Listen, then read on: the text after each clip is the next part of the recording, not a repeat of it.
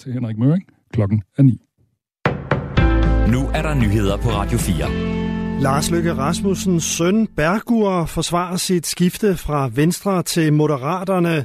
Bergur Løkke Rasmussen meddelte sit skifte på Facebook i aftes. Han blev i 2019 ved Europaparlamentsvalget første suppleant til Venstres gruppe. Da Søren Gade blev valgt til Folketinget i november, overgik hans mandat til første suppleanten. Bergur Løkke Rasmussen føler sig mere hjemme hos Moderaterne, siger han til Radio 4. Der er 11.615, så vidt jeg husker, øh, som øh, stemte på mig person. Derved jeg første supplant. Og da Søren Gade og Linnea øh, Søgaard Liddell tog hjem til Danmark til Folketinget, så kom jeg i Europaparlamentet. Ja, altså det var ikke nok til at komme ind i første omgang. Og så, så fik du så øh, Søren Gades plads. Jamen altså, jeg har valgt at skifte øh, politisk ståsted, fordi jeg har fundet et sted, jeg føler mig mere hjemme. Han begyndte sin karriere i Venstre, da han som 17-årig meldte sig ind i Venstres Ungdom i Græsted. For fire måneder siden var han stadig venstremand, fortalte han Radio 4 når man som, øh, som søn af en øh, toppolitiker, som samtidig også er ens politiske forbillede, vælger at forlade det parti, man har været i, og stifte et nyt parti, så sætter det der nogle tanker i gang. Men den tankeproces er endt i, at jeg, som vi lige har talt om, stadig er medlem af Venstre. Jeg skal til regions, hvad hedder det, til Europaparlamentet for Venstre, og jeg bliver i Venstre.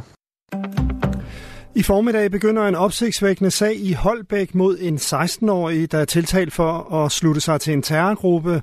Drengen er tiltalt for at lade sig væve til Føjerkrig Division og for at forsøge at væve en kammerat til bevægelsen, der ifølge anklagemyndigheden er en terrorsammenslutning.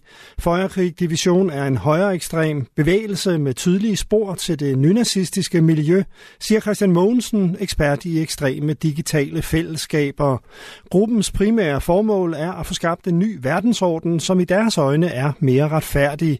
Det er, hvor den i deres øjne gode, hvide, stærke, kloge mand har magten og kontrollerer alle andre, siger eksperten, der følger sagen. Anklagemyndigheden hævder, at drengen har delt link til en mappe med bombe- og våbenmanualer til medlemmer af Føjerkrig Division i en gruppe på beskedtjenesten Telegram. Han anklages også for at have skrevet afsnit og læst korrektur på dele af The Feuerkrieg Division Handbook. Håndbogen indeholder blandt andet opfordringer til at begå terror. Den tiltalte nægter sig skyldig, mens anklageren venter sig gå efter fire års fængsel eller mere. Fra i dag kl. 10 og 8 uger frem kan husstande søge om en varmesjek på 6.000 kroner. Det fremgår af hjemmesiden varmesjek.dk. Pengene er et skattefrit indgangsbeløb, som i august sidste år blev udbetalt automatisk til godt 411.000 husstande for at hjælpe dem igennem energikrisen.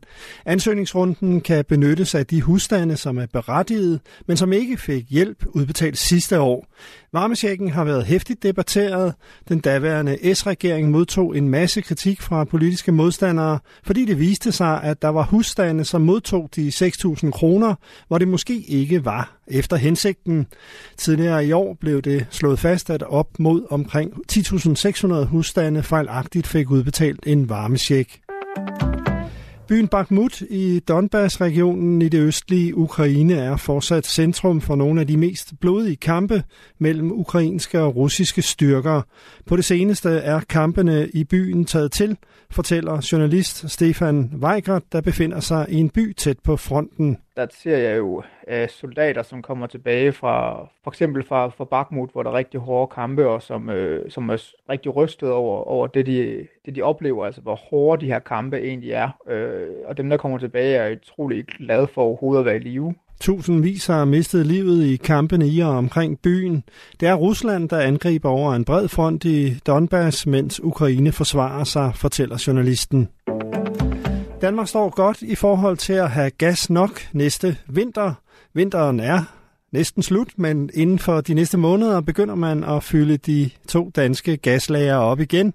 Vi ser en meget stor sandsynlighed for, at vi har bunende fyldte lager, når vi rammer næste vinter, siger chefstrateg hos Nykredit Frederik Ingholm. Den gode situation skyldes dels, at Danmark har sparet på energien, dels at vinteren har været mild. Det skabte frygt for mangel på gas, da Rusland efter invasionen af Ukraine skruede ned for gassen til Europa.